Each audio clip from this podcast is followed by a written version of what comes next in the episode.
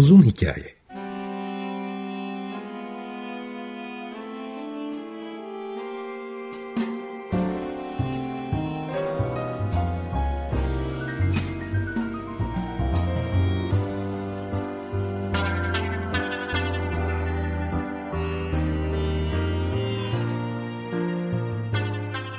Hazırlayan ve sunan Muzaffer Çorlu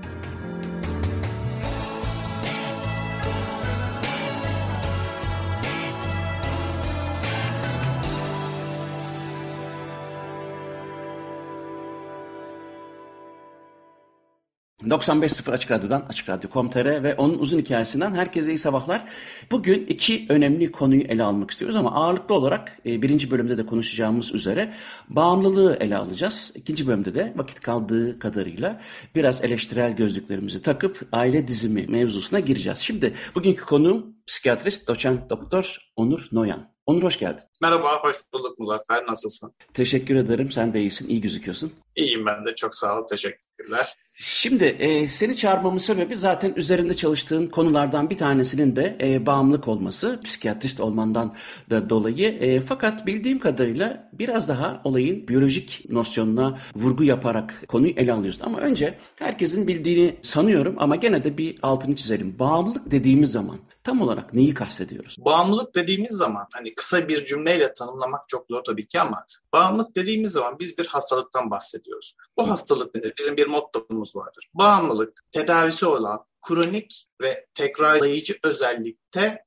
bir beyin hastalığıdır. Yani bağımlılığın beyinden kaynaklanan bir hastalık olduğunu söyleyebiliriz. Evet bağımlılık bugün var, geçmişte de vardı, hep de var olacak. Ama nesneler değişecek. Geçmişte bağımlı olduğumuz nesnelere belki bugün bağımlı olmayacağız. Bugün bağımlı olduklarımıza gelecekte bağımlı olacağız. Ama bağımlılığın nesnesi değişecek ama beyindeki yapısal özelliklerimiz sebebiyle biraz ödül ve haz peşinde koşan bir biyolojik yapımız sebebiyle de bağımlılık hep var olacak. Ee, ödül merkezimizdeki yani ilk yani evrimsel biyolojik olarak belki öyle mi düşünmek gerekir bilmiyorum onu sana sorayım. Bizim hayatta kalmamıza yol açan, yarayan şeylerin tekrarında tabii ki hayatta kalmanın verdiği bir ödüllenme var zaten ve de bu beyinde yapısallaşmış da durumda. Fakat biz ne oluyor da hayatta kalmamıza yardımcı olmamasına hatta hayatta kalmamızı zorlaştırmasına rağmen bu yer değiştirmeyi kabullenip o yeni gelmiş olan nesneye de bağımlı olmayı sürdürüyoruz. Bunu bir e, bilişsel süreçten geçirip bir dakika bu evet benim işte şu dopamimi şu e, nörokimyamı değiştiriyor ve ben bundan haz alıyorum ama bu doğru değildir noktası da neden gelemiyoruz da yön değiştirmiş bu davranışı tekrar tekrar sürdürmeye devam ediyoruz. O kadar zayıf mıyız? Yani o kadar zayıf değiliz aslında.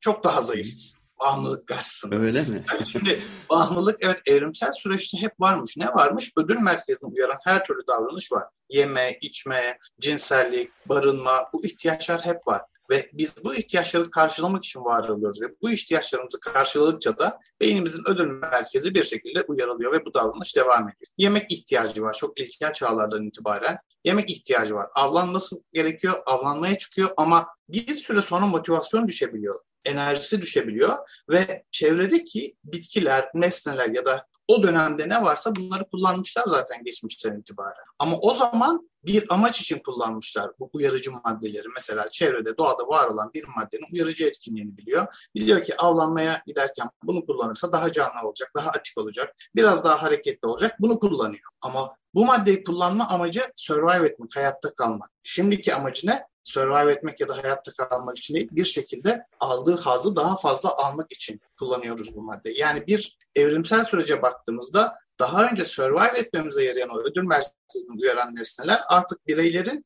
elindekiyle yetinmemesini, hep daha fazla istemesini, hep daha fazla daha fazla arzusuyla birlikte daha fazla tüketilmesine ve bağımlılığın gelişmesine sebep oldu. İlk başta şunu biliyoruz. Kimse bağımlı olmak için herhangi bir maddeyi kullanmıyor. İlk deneme. Herkes meraktan kullanıyor. Herkesin kendine göre kullanım sebepleri var.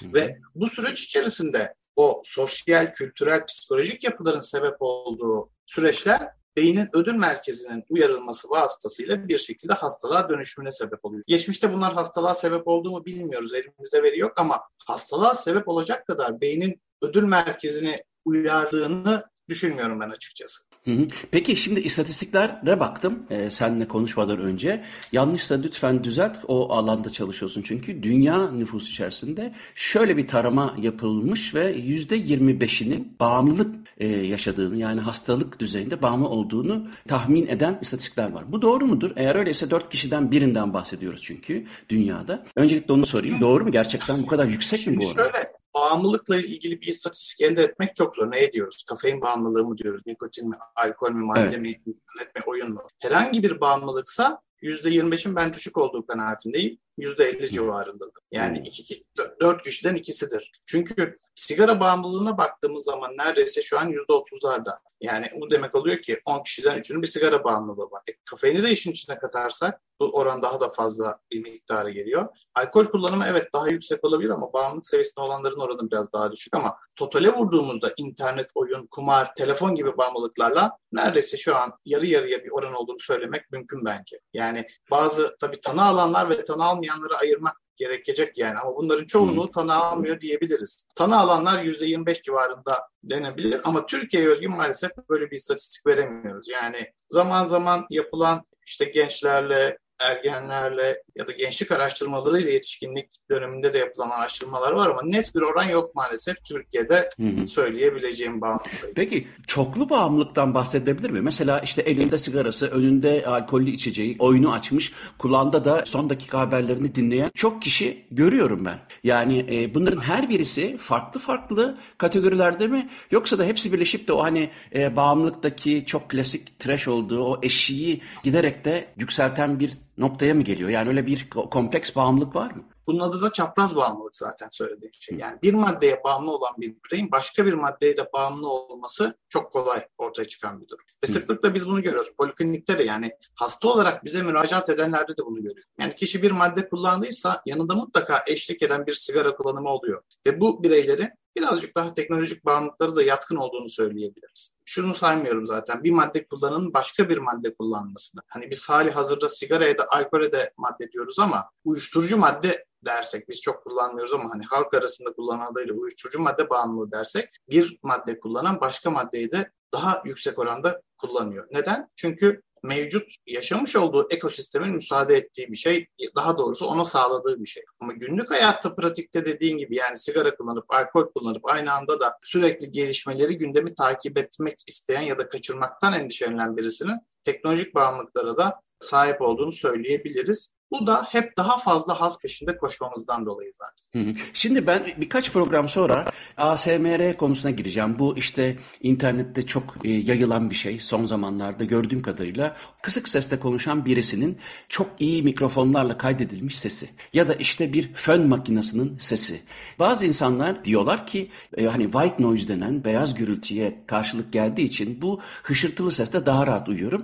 Bunun da rasyonel olarak da işte biz anne karnında da bu ses seslere maruz kaldığımız için bizi rahatlatıyor gibi e, temellendirmeler de yapıyorlar. Fakat e, benim gördüğüm kadarıyla benim bakış açım farklı ama seninkini merak ediyorum. Birden fazla sensasyonu, duyu organını harekete geçiren bu tür videoların e, işte dokunma, duyma, insanların daha fazla ihtiyaç duymasının sebebi belki de hani çok bilgisayarla haşır neşir. insanlar doğada değil dolayısıyla bir sürü duyudan mahrum kaldığı için belki bunlara ilgi duyuyor olabilir. Fakat bunların bağımlılık yapması gene senin biraz önce bahsettiğin kategoriye girer değil mi? Yani girer tabii ama şimdi hani her davranışı da bağımlılık olarak görmemek gerekiyor bence. Hı hı. Çünkü bizim bağımlılık tanısı koymak için bazı kriterlerimiz var. Yani DSM-5 dediğimizde bizim psikiyatristlerin ana kitabı olan bir tanı kriteri kitabı vardır. Burada bağımlı demek için bazı kriterlerimiz gerek. Onlardan bahsedeyim sonra senin soruna tamam. geleyim istersen. Tabii. Öncelikli olarak kullanılan maddenin ya da uğraşılan nesnenin giderek daha fazla miktarları çıkması ve daha fazla zaman alması kişinin hayatında. İkincisi tolerans sağlaması bu, gerekiyor yani.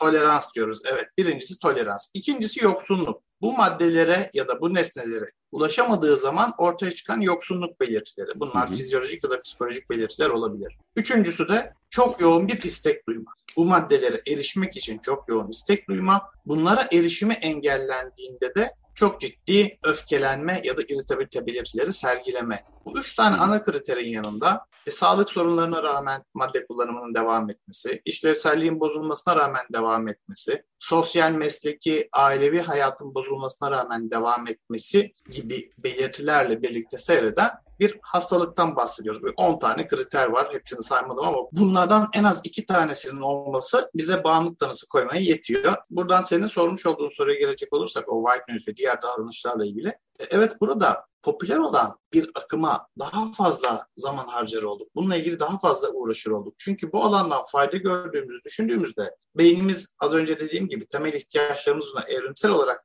daha iyi karşıladığımızı düşündüğümüzde beynin ödül merkezde uyarılıyor. Ve burada daha kolay uyuduğunu düşünen bir birey bu white noise ile birlikte oraya daha fazla zaman harcamaya başlıyor. İşlevselliğinin arttığını düşündüğünde bununla onunla birlikte daha fazla haşır neşir olmaya başlıyor. Bu da neyi getiriyor sonunda? Sanki bir bağımlılık benzeri bir davranışı getiriyor. Ama bizim bağımlılık dememiz için ihtiyacımız olan ana şey işlevsellikte bozulma kriterinin olmasıdır. Bunlar işlevselliği bozmuyorsa üstünde durulması ve değiştirilmesi gereken davranışlar olarak görmeyebiliyoruz. Hı hı. Peki genetik yatkınlıktan söz edilebilir mi? Belki de biyolojik kökenlerini biraz burada ele alabiliriz. Genetik unsurları merak ediyorum. Bir de kimlerin yatkın olabileceğini kestirebilir miyiz? Yani böyle bir istatistik var mı elimizde? Bunun hem biyolojik hem de genetik kökenine bakarak nasıl cevap verirsin? Şimdi şunu söyleyebiliriz. Şimdiye kadar yapılan çalışmalar hep bu yönde ilerlemiş zaten. Yani kimler bağımlılığa yatkındır sorusunun cevabı aranmış hep yıllar boyu. Hı hı. Ama bunun tek bir cevabı yok maalesef. Neden? Çünkü bağımlılığın sebebine baktığımızda en büyük dönem ergenlik dönemi risk faktörü açısından. Bunun altında yatan sebep, ana sebep ne? Beynin henüz daha olgunlaşmamış seviyede olduğu bir dönemde bağımlılık yapıcı maddelerle karşılaşmak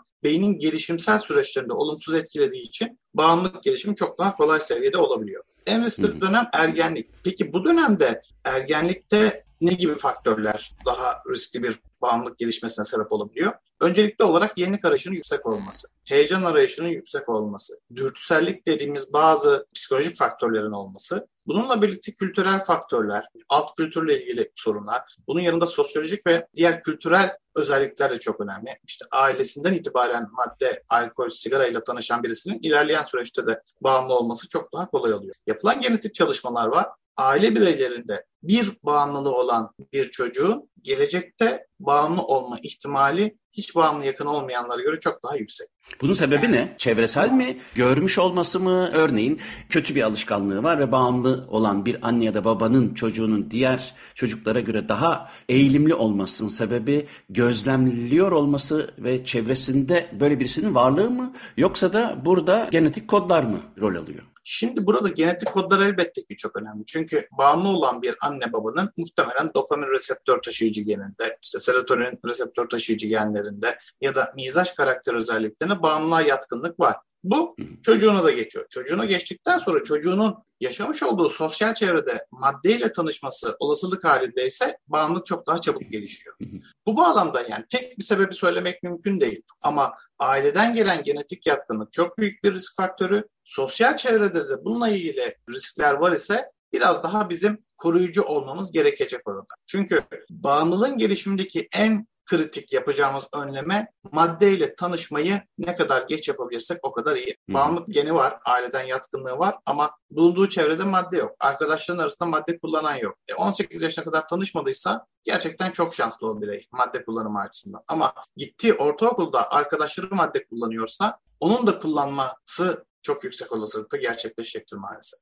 Bunu yönlendirmek mümkün mü? Mesela diyelim ki e, anlattığın sebeplerle çok daha yatkın bir birey düşünelim. Anneden babadan gelen genlerle ve gördüğü şeyle. Fakat belli ki heyecan arama yaşlarında işte ergenlik hemen öncesinde ya da ergenlik sırasında bu enerjiyi diyelim bambaşka bir alana yönlendirebilmek gibi uyanık olmanın yararları olabilir mi? Örneğin e, işte hız araba, işte motosiklet yarışlarına merak uyanması ya da işte hani e, biraz daha e, risk faktörleri yüksek olan sporlarla ilgilenmesi gibi bir alan bu boşluğu doldurabilir mi? Çok güzel söyledin. Gerçekten çok faydalı. Ama buradaki temel sorunumuz bu. Biz günlük yaşantımızda çocuklarımızı bir alana yönlendirirken artık tek bir alana yönlendirme konusunda biraz zayıf kalıyor. İşte aynı anda birden fazla ilgi alanı olsun istiyoruz. İşte spora da gitsin, e, müzik kursuna da gitsin, resim kursuna da gitsin, tiyatro kursuna da gitsin derken çocuk kendisine tek bir ilgi alanı bulup o alanda uzmanlaşma konusunda yetersiz kalıyor. Bu da spor ya da diğer hobi ya da kişisel ilgi alanları aktivitelerinin koruyucu etkinliğini azaltıyor.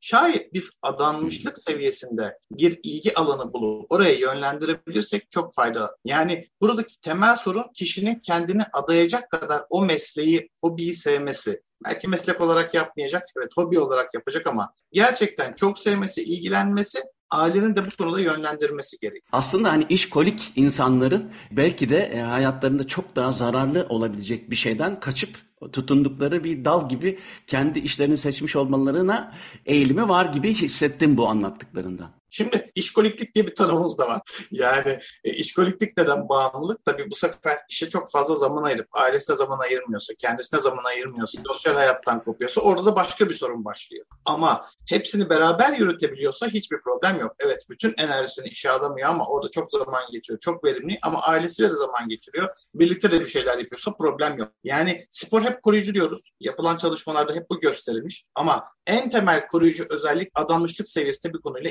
ilgilenme gerçekten. Biz bunu erken yaşlarda çocuklarımızın ilgi alanlarında bulup o alanda yönlendirebilirsek gerçekten özellikle riskli bireylerde çok daha avantajlı duruma geçeriz bağımlılığı önleme açısından. Yani aslında hani bu kutsal kitabımız DSM-5'in bütün şeylerini 10 kriterinden en az 4-5'ini karşılıyor bir işkoliklik. Fakat bir şey söyleyeceğim. Senin şimdi söylediklerinden ben biraz karamsar bir sonuç çıkarttım. Yani riskli olan bireyler var zaten. E, bir de bu işin içinden gelen birisi olarak her iki kişiden birisinin bağımlı olduğunu da söylüyorsun. Yetmiyormuş gibi diyorsun ki çocukların özellikle adanmışlık seviyesinde bir spor olabilir, başka bir şey olabilir. E, bir faaliyetin içine sokmamız riskleri azaltacaktır. Yani kişinin o free will nedir? Hani kişinin kendi Özgür iradesini elinden alıp benim bildiğim sen kesin bir şeye bağımlı olursun. Onun yerine git adanmışlık seviyesinde spor yap ya da işte bilimle sanatla ilgilen gibi bir şey algıladım ben söylediklerinden. Bu da zaten bağımlılıkla ilgili şeyin durumun çok çok kötü olduğunu gösteriyor. Bu söylediklerimi bu yoruma şeyi de ekleyerek bir cevap vermeni isteyeceğim. O da e, şu anda insanların en çok özellikle pandemiyle beraber en çok vakit geçirdiği alan herhangi bir şekilde bilgisayar. Ama toplantılarını yapıyorlar ama işte araştırma yapıyorlar, oyun oynuyorlar, sosyal medyadalar falan filan.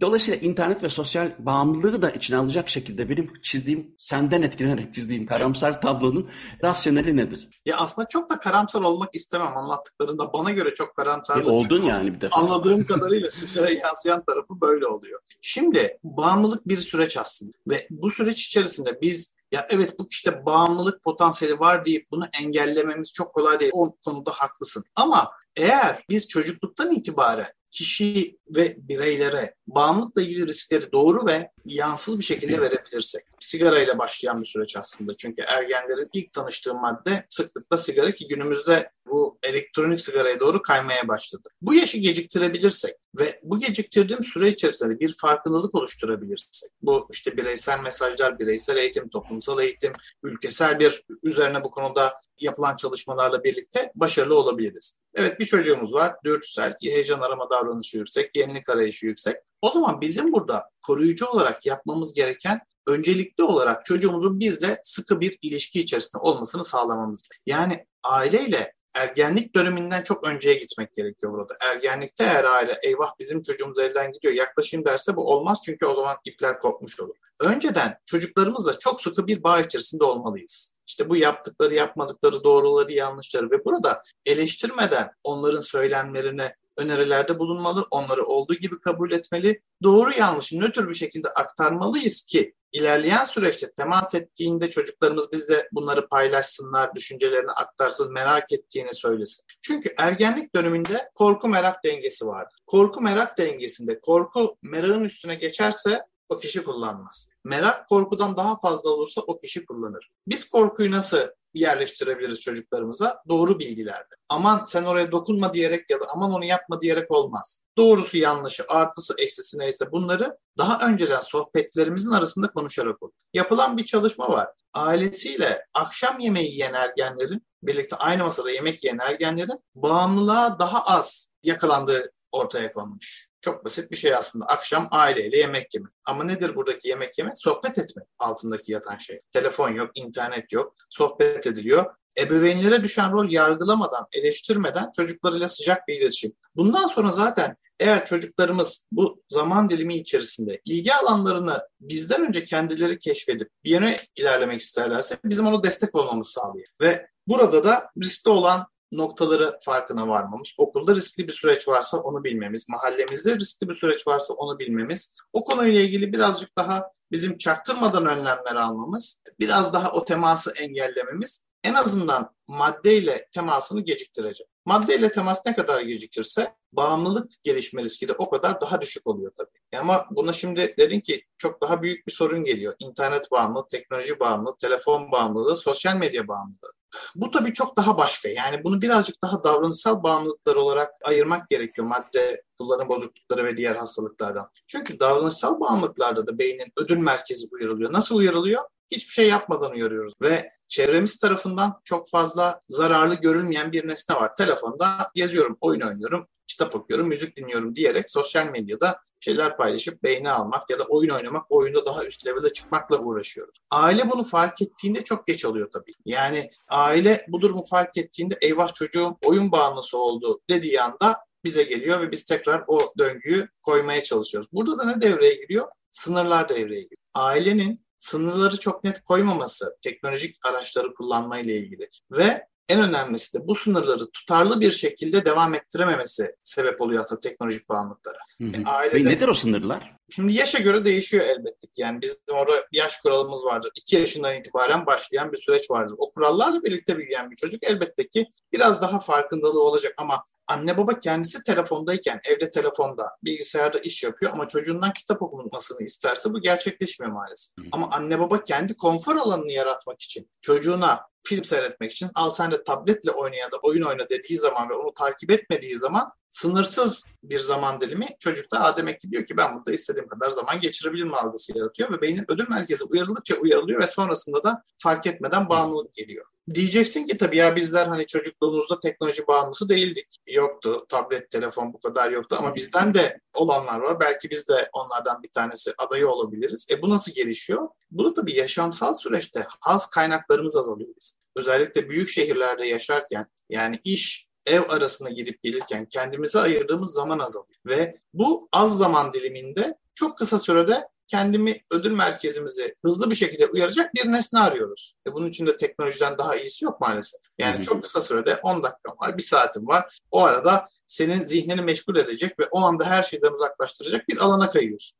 Ve bu aslında bizi birazcık daha teknolojik yetişkinler olarak teknolojik bağımlılıklara yatkın hale getiriyor. Bunun çözümü ne dersen bizim kendi rahatlama alanlarımızı önceden belirlememiz bize iyi gelen, bize iyi hissettiren, o alana girdiğimizde işte işi, aile ya da başka bir şey düşünmediğimiz zaman keyif aldığımız bir aktiviteyle daha fazla ilgilenmek de bizi teknolojiden koruyacak. Yani buradaki temel şuna gidiyoruz aslında. Çocuk yetişkine hale gelene kadar sınırların belirlenmesi, bu sınırların tutarlı bir şekilde uygulanması, yetişkinlikte artık disiplinli bir birey olduktan sonra da kişinin kendi sınırlarını koruyup bu sınırları kendi içerisinde uygulamasına geliyoruz. Yani bağımlılıktan koruyacak şeyler bunlar aslında. Peki şimdi konu çok daha geniş. Zaten bir başka programda tekrar umarım katılırsın. Detaylarda çok merak ettiğim şeyler var ama bu bir giriş olsun. E, dolayısıyla son iki noktaya geçip ikinci bölüme geçmek istiyorum. Onlardan bir tanesi şu.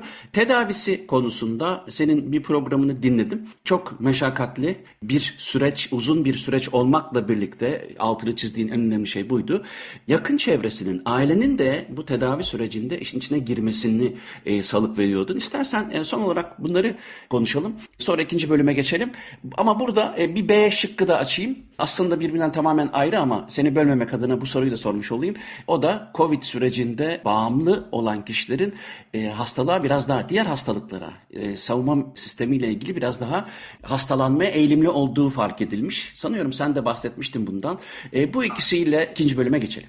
Şimdi tedavi sürecinden bahsedeyim. Kişinin kullandığı maddeye göre değişiyor. İçinde bulunduğu sosyal durumu ve motivasyonuna göre çok fazla değişiyor. Öncelikli olarak bize gelen e, hastalar ya ben bağımlıyım bana yardım et lütfen diye çok nadiren geliyor. Sıklıkla bize bazen hasta geliyor diyor ki ben geldim. Neden geldin? Annem randevu almış, babam almış geldim diyor. Belki senin yaşadığın ülkede öyle olmayabilir ama bizde biraz daha böyle. Bu da kültürel bir farklılığımız bizim. Tamam diyoruz. Bizim oradaki en öncelikli olarak yapmamız gereken terapötik ittifak sağlamak hastayla. Tamam o getirmiş olabilir ama sen de buradasın biz konuşalım o zaman diyerek başlıyoruz ve bir şekilde içinde bulunduğu durumda acaba kendisi bağımlılığını bir sorun olarak görüyor. Herhangi bir şey olabilir. İnternet olabilir, madde olabilir, kumar olabilir, alkol olabilir, her neyse. Son olarak görüp görmediğine yönelik bir görüşme yapıyoruz. Orada tabii kişiler çok fazla hemen ya evet ben bundan çok zarar görüyorum şeklinde bize yaklaşmıyorlar. Orada biraz direnç noktaları oluyor. Onları biz görüşmeyle birlikte öncelikli olarak farkındalık. Ya evet bu benim hayatımı etkiliyor.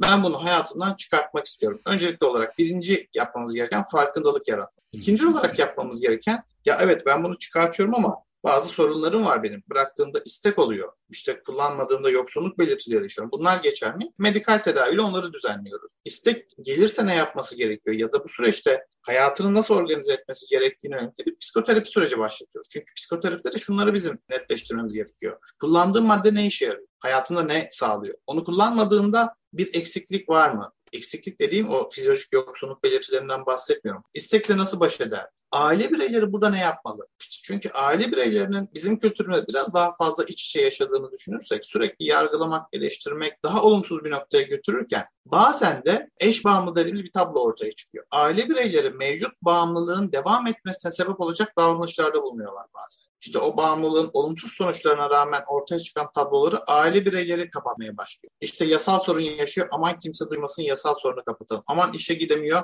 onun yerine rapor alalım. Aman işte şöyle bir sorun yaşadı biz onu kapatalım gibi yaklaşımlarla bireyin bu davranışın olumsuzluklarını fark etmesinin önüne geçiyor aile. Aile bu noktada devreye girmeli. Sonrasında ilaçlar var, psikoterapi var, gerekirse ayaktan ya da yatarak tedaviler var. Peki burada ne yapmak gerekiyor? Şu var aslında yani e, bağımlılık tedavisi diğer hastalıklar gibi değil. Şeker hastası oldun, doktora gittin şekerin yüksek, ilaç verdi, şekerin düştü, iyileştin. Tansiyon hastasın, gittin, tansiyon düştü, iyileştin. Ömrü hayatı boyunca bir ilaçta düşüyor. Ama bağımlılık böyle değil. Bağımlılık tedavisi engebeli. Bazen çok iyi olacak, bazen istek gelecek, kullanacak, bazen tekrar başa düşecek filan. Yani pürüpak bir süreç yok burada. Ama kişi vazgeçmezse, eninde sonunda içinde bulunduğu bu durumdan kurtulmanın yolu biraz sebat etmek. Tedavide şundan bahsetmek gerekiyor. Bizim normal hayat yaptığımız aktivitelerden aldığımız keyif 100 birim civarında bir dopaminle elde ediyoruz. Ama maddeyle birlikte bu 1000 birimlere çıkıyor. Biz oradan 1000 birimi çıkardığımız zaman hadi bakalım sen madde kullanma dediğimiz zaman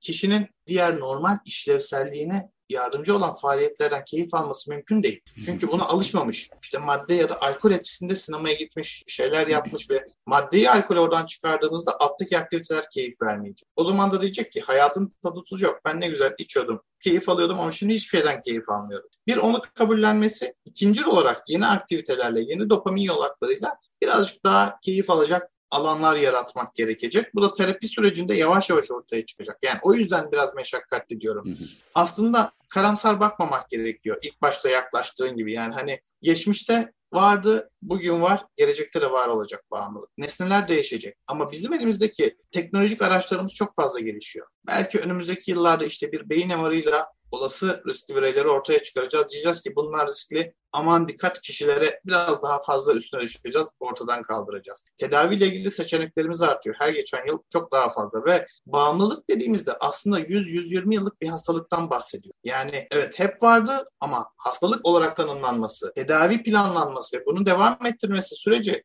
nereden baksanız 50-60 yıl sadece. Yani 50 yıl önce bağımlılık bir akıl hastalığı değil ama irade eksikliği, ahlaki zayıflık olarak görüyoruz. Biz şimdi biyolojik pencereden baktığımızda neyi görüyoruz? Evet burada bununla baş edenin yolları var, ilaçlar var, başka şeyler var. O yüzden karamsar olmayalım. Ee, önümüzde güzel bir yol var ve güneş var yani ben öyle düşünüyorum. Aslında bir de tabii e, brain plasticity meselesini evet. yani yeniden yollar bulması aslında beynin güzel özelliklerinden bir tanesi. Zaten aksi takdirde ne bileyim ben 50 yaş civarındayım.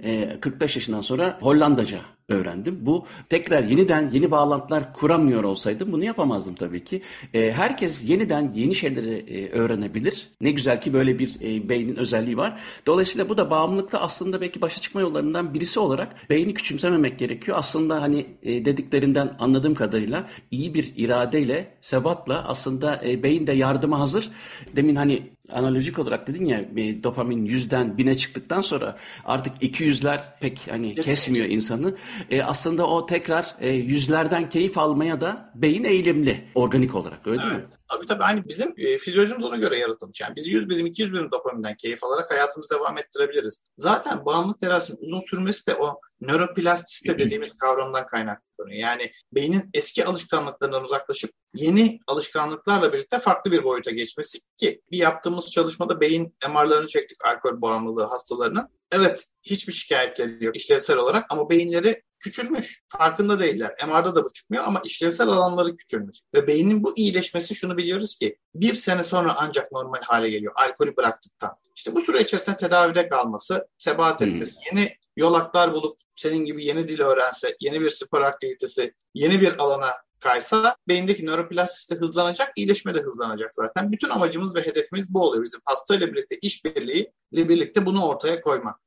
Şimdi ikinci bölüme geçelim yavaş yavaş. Aşağı yukarı ama dediğim gibi bağımlılıkla ilgili benim soracağım çok daha ayrıntılı sorular var. Oraya e, başka bir gün geliriz. Bence çok iyi noktaların altını çizdin. Bu da çok iyi oldu. Çünkü insanların çocuklarıyla beraber e, akşam yemeğini beraber yemeleri mesela aslında çok da hani önemsenmez ya da sen dediğin gibi elinde cep telefonu olan bir annenin babanın çocuğuna kitap okumasını öğütlemesi e, gibi saçmalıklarında çok olduğu bir dünyada yaşadığımız için o söylediklerin çok önemli. Şimdi ikinci bölümde aile dizimine neden geçmek istiyorum? Çünkü senin e, alanlarından bir tanesi de bilişsel e, davranışçı terapilerle ilgili.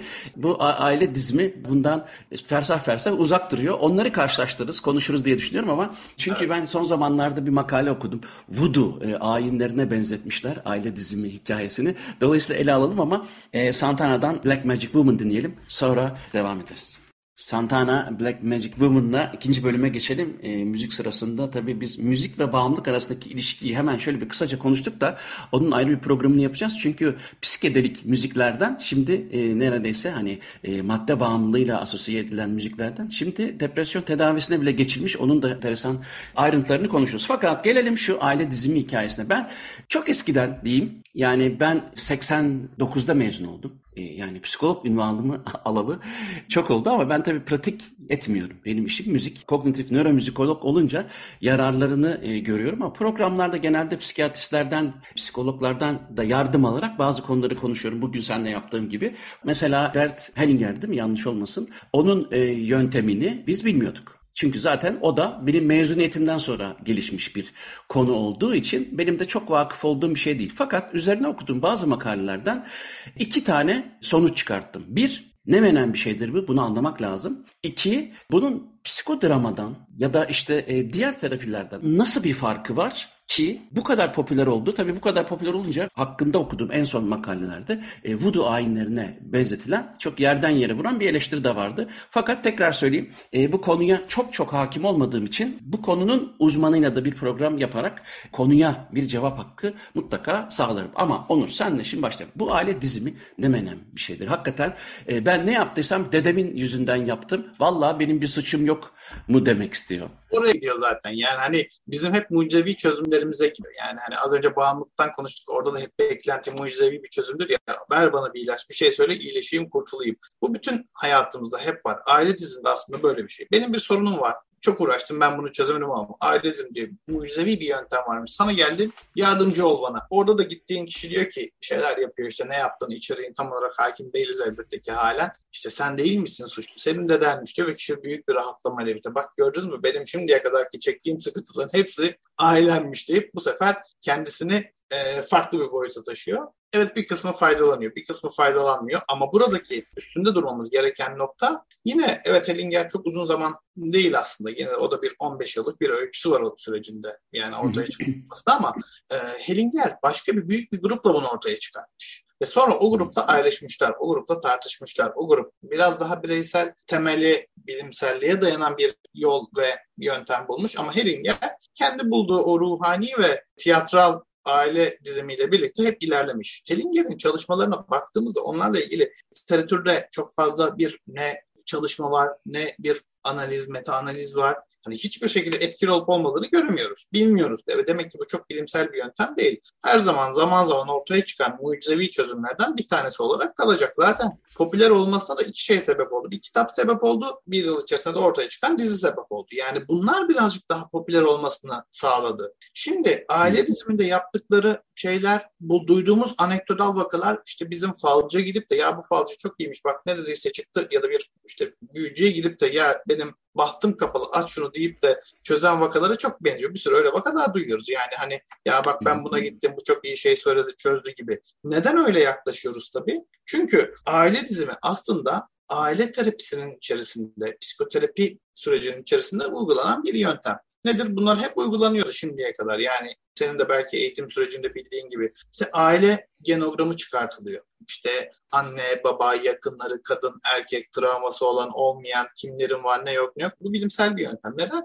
Buradan geçmiş travmaların kuşaklar boyunca aktarıldığı teorisine inanıyorsak buradan faydalanabiliriz. Yani benim de orada inancım soru işaretiydi çünkü. Hı hı. Çünkü bununla yapılmış da genetik çalışmalar da çok düşük seviyede. İşte aile panoları yapılıyor. İşte fotoğraf analizleri yapılıyor aile terapisinde ya da aile heykeli uygulaması yapılıyor. Nedir bu aile heykeli? Kişi kendisi yönlendiriyor bireyleri. Ama aile diziminde bizim gördüğümüz tamamıyla karşıdaki kişiye bir rol atfediliyor. O ben gittim benim bir sorunum var. Ben diyorum ki tamam bu benim annem bu babam olsun. Benim söylediğim kişi bu sefer benim annem babam olup onun yaşadığı duyguları yaşayıp hareket etmeye başlıyor. Ve bu tabii ki beklenmedik bir şey. Yani hani kişi de eyvah gerçekten bu onun gibi hareket ediyor diye bir mucizevi bir uyanış yaşıyor. Yani bunu bilimsel olarak açıklamak çok mümkün değil.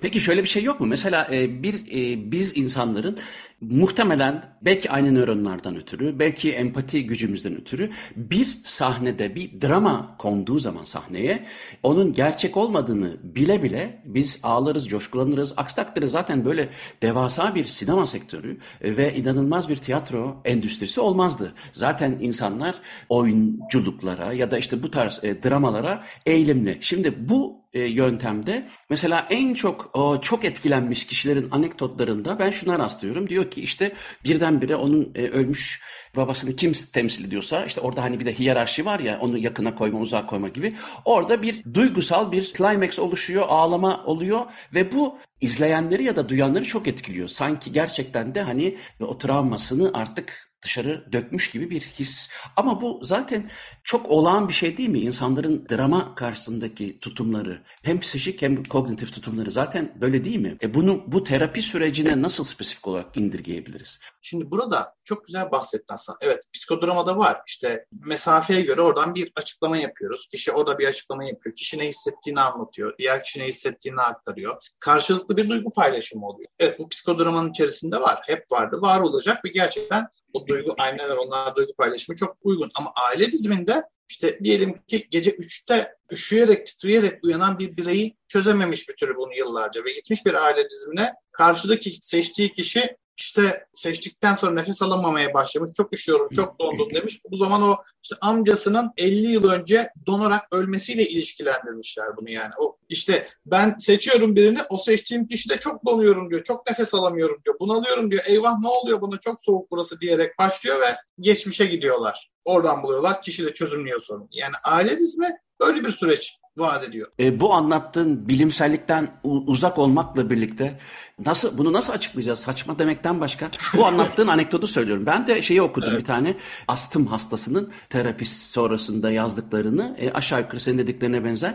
E, fakat burada o hani e, internette bulurlar, e, bulabilirler isteyenler ama İngilizceydi o makale. E, eleştirel bir e, kritik yapmışlardı zaten.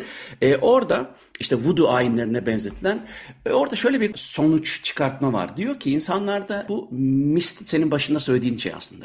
Mistik olana, bilinmez olana ve birdenbire hani bu ne nedir? Aydınlanma ihtiyacına çok güzel çanak tutan bir durum olduğu için büyük bir etki yaratmış. Fakat sen söylemeseydin ben bilmezdim. Ben bunu çok yıllardır duyuyorum fakat e, özellikle de bu açık radyodaki programlardan ötürü programlara yakın şeyleri okuduğum için de haberdarım. Fakat Türkiye'de bir dizi sanıyorum Zeytin Ağacı ben seyretmedim. E, ondan sonra bana e, sorular gelmeye başladı. Hani bu konuyu işler misin? Ben diziyi seyretmedim. E, ve Türkiye'nin son bir yılda bu konuda terapist olmak için de yani aile dizimi terapist olmak için de insanların deliler gibi bir yerlerden eğitim alıp bu işi öğrenmeye çalıştığını da duydum. Dolayısıyla Türkiye'yi bilmiyorum. Sen onu anlatır mısın? Türkiye'de şu anda hakikaten hip bir konu galiba bu aile dizimi. Evet evet. Çok popüler oldu. Çünkü hani bir dizi seyrediyorlar ve bu dizide Yani o kadar çok yanlışlık var ki hani tabii diziyi eleştirmek haddimize değil. Sonuçta bir senaryo aslında ama insanların bunu algıladığı senaryodan daha başka gerçek gibi. Yani bir kanser hastası var. Kanser hastasının iyileşmesi bile sanki daha başka bir ilaçları da bırakıp başka bir ruhani bir tedaviyle oluyor gibi bir algı var orada. Elbette ki dizide işleniyor ama görmek isteyen bir bölümü seyredip oraya alan diyecek ki bak sen tedaviye gitme boşuna. Senin bu hastalığın da geçmişle alakalı olabilir. Sen git bir onu çözdür bakalım. Orada bir düğüm var o düğümü çözdür diyecekler yani. Hani böyle bir risk var. Psikoterapi gerçekten çok kıymetli. Psikoterapi olmak için işte bir hekim olmak, e, psikolog olmak, psikolog danışmanlık, rehberlik mezunu olmak gibi bazı kriterler gerekiyor. Ve uzman ve yetkin bir psikoterapist olmak için de uzun soluklu bir eğitim, teorik eğitimi alacaksın. Daha sonra bunun pratiğini yapacaksın pratiğini alıp süpervizyon yapacaksın, uygulayacaksın. E, bu ilk kişinin bu eğitimin eğiticileri sana geçer not verecek ve hayata geçireceksin bunu. Yani hem bilişsel davranış terapide, cinsel terapide, diğer de terapilerde en az 3-4 yıl sürüyor bu eğitim. Hı hı. Ama şimdi aile dizimi ki Türkiye'de birkaç tane belki çok geçmişten yapanlar vardır. Elinger'in vasıtasıyla yapanlar. E, ama oradan çoğalan bir ekip şimdi herkes işte iletişim mezunu, sinema mezunu, tiyatro mezunu, işte psikodramaya da biraz daha yatkın olması sebebiyle yöntemi çok kısa sürelerde bir hafta, iki hafta, bir ay eğitimler almaya başlıyorlar. Ve bu eğitimlerle birlikte Tabii. her tarafta aile dizilimi yapan yerler ortaya çıktı. İşte bizim aslında üstünde durmamız gereken nokta bu. Çünkü travmayla çalışılıyor. Travmayla çalışmak çok zor bir iş. Yani hani her ne kadar ben de terapist olsam bile hala travmayla çok sağlıklı bir şekilde çalıştığımı söyleyemem. Çünkü bu alanda çok hasta gördüğüm zaman ancak ben ancak gerçekten bu alanda iyiyim diyebilirim. Travmayla çalışıyor, sana geliyor. Sen o travmayı açıyorsun orada aile diziminde evet durduk yere o travmaların tekrar yaşanmasına ve kişinin travmatik tablosunun alevlenmesine sebep olabilirsin. Sağlıklı ve bu alanda çalışmayan bir uzman tarafından yapılan aile dizimi. Çok tehlikeli dolayısıyla. Çok tehlikeli. Travmalar tetiklenebilir. İlişkileri bozulabilir. E bu sefer sağlıklı bir ilişkisi varsa herkes de bu ilişki üstünden gidebilir. Başka psikiyatrik hastalıklar çıkabilir. Kendine zarar verme davranışları olabilir. Yani o kadar çok tehlikeli bir alan ki bu alanda uzman olmayan kişilerin çok fazla yüzüyor olması tehlikenin boyutunu daha da arttırıyor bence. Hı hı. Ve bizim kültürel olarak da beklentimiz de hep budur. Yani bir şekilde mucizevi bir çözüm. İşte duyduğumuz öykülerden komşu teyze bile bir ilaç verir onu içeriz. E komşu teyzenin söylediği bir şey de neden yapmasın yani? Ben ona gittim sen de git. Kulaktan kulağa yayılıyor böyle şeyler. Ve o ruhani, o mistik, o tiyatral yapının biraz daha cezbedici bir tarafı var. Ama her sorunda olduğu gibi burada da bundan bahsetmek gerekecek. Eğer ciddi bir travmatik süreç var ve bununla baş etmek istiyorsanız alanında çalışan, uzman, yetkin bir terapistten yardım ve destek almalısınız. Ve hiçbir zaman için hiçbir yerde mucizevi bir çözüm yoktur. Bir seansta, iki seansta ben bütün korkularımdan kurtuldum demek çok e, bilimsel değil, çok bilimsel değil, hatta çok tehlikeli olabilir. Bu bağlamda biraz daha dikkatli olmakta fayda var diyebiliriz. Peki bir şey diyeceğim. Mesela Hellinger'in hayatına baktığımız zaman bir Katolik e, rahipten bahsediyoruz aynı zamanda değil mi? E, İkinci Dünya Savaşı sırasında.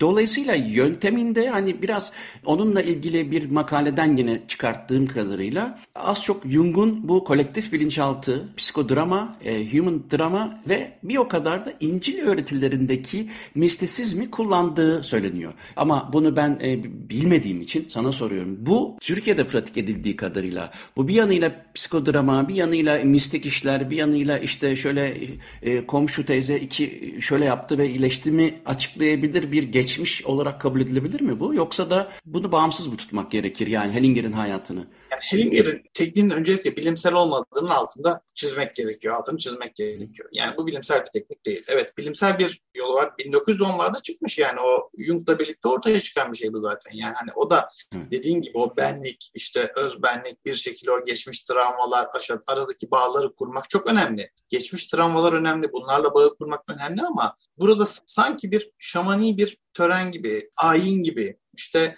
bir takım ruhani güçlerin varlığına inanıyormuş gibi bir tablo ortaya çıkıyor. Hı hı. Esas sorun da bu zaten. Yani işte o Hellinger'de Zullardan öğrenmiş ya bu sistemi. Evet o ayinler, şamanların o törenlerinde ortaya çıkarttığı bir ruhani güç. Onlardan yardım ve destek alalım. Öyle bir mistik tarafı var Hellinger'in. Ona inanıyor. Evet bilimsel bazı noktaları var ama uygulamada bilimsellikten uzaklaştığını ve bir terapi yöntemi olarak görmemek gerektiği kanaatindeyim. Ve mutlaka da denetlenmeli bence bu eğitimi veren yerler ve bu alanda hizmet veren bireyler. Çünkü gerçekten çok travmatik süreçler ortaya çıkabilir. Şimdi iknanın psikolojisinde okumuştum bunu yıllar önce. Hakikaten şimdi daha da net görüyorum ki bir kişinin rasyonelleştirmesi adına bir olayı ritüelleriyle beraber gözlemlemesi olaya inandırıcılığı, inancını arttırıyor. Yani işte bir hani sahnede hokkabazlık yapan ya da işte sihirbazlık yapan kişinin e, kıyafeti, kullandığı nesnelerin e, mistik oluşu işte e, insanın izlerken olacak olan şeye inanma durumunu arttırıyor. Bu çok mümkün bir şey. Bugün nörogastronomide de kullanılıyor. Yani işte bir şişeyi nasıl açtığı, işte şişeyi açtıktan sonra bardağı nasıl servis ettiği, o sırada bedeninin nasıl durduğu öğretiliyor. E, iyi restoranlarda bunu bilen servis insanları e, öyle bir servis ediyor ki hatta bunun deneyi de var. Aynı içecekten ritüelli ve ritüelsiz farklı iki kategoride yapılan tadımlarda ritüelli olan hep daha iyi rating almış. Çünkü hakikaten de e, böyle bir hani iktidarın e, rasyonalize eden bir şeyi var, gücü var. Burada da tahmin ediyorum terapilerdeki o ritüeller e, zinciri, grup terapisinde değil de bu aile dizimindeki insanları etkilemesi açısından sanırım bir rol oynuyor gibi geliyor bana. Burada da hemen biyolojiye atıfta bulunmak gerekiyor. İki türlü karar veriyoruz. Bir mantıksal frontal lobumuzda karar veriyoruz. İki duygusal amigdala biraz daha devreye giriyor. Yani hiçbir görüntünün olmadığı, işte bardaktan şişeyi açtı döktü. Hani orada bir duygu yok. Hani bana bir şey aktarmıyor. Ama duygular biraz daha şiddetlendi ve yoğunlaştığı zaman mantıksal taraf biraz daha aşağı çıkıyor. Yani bireylerin karar vermesinde de daha duygusal karar verme ortaya çıkıyor. Yani bir terapiye gittiğimizde hep mantıksal ve kitabi ve didaktik konuşan bir terapide eğer kişinin farkındalığı çok yüksek değilse fayda alması çok kolay değil.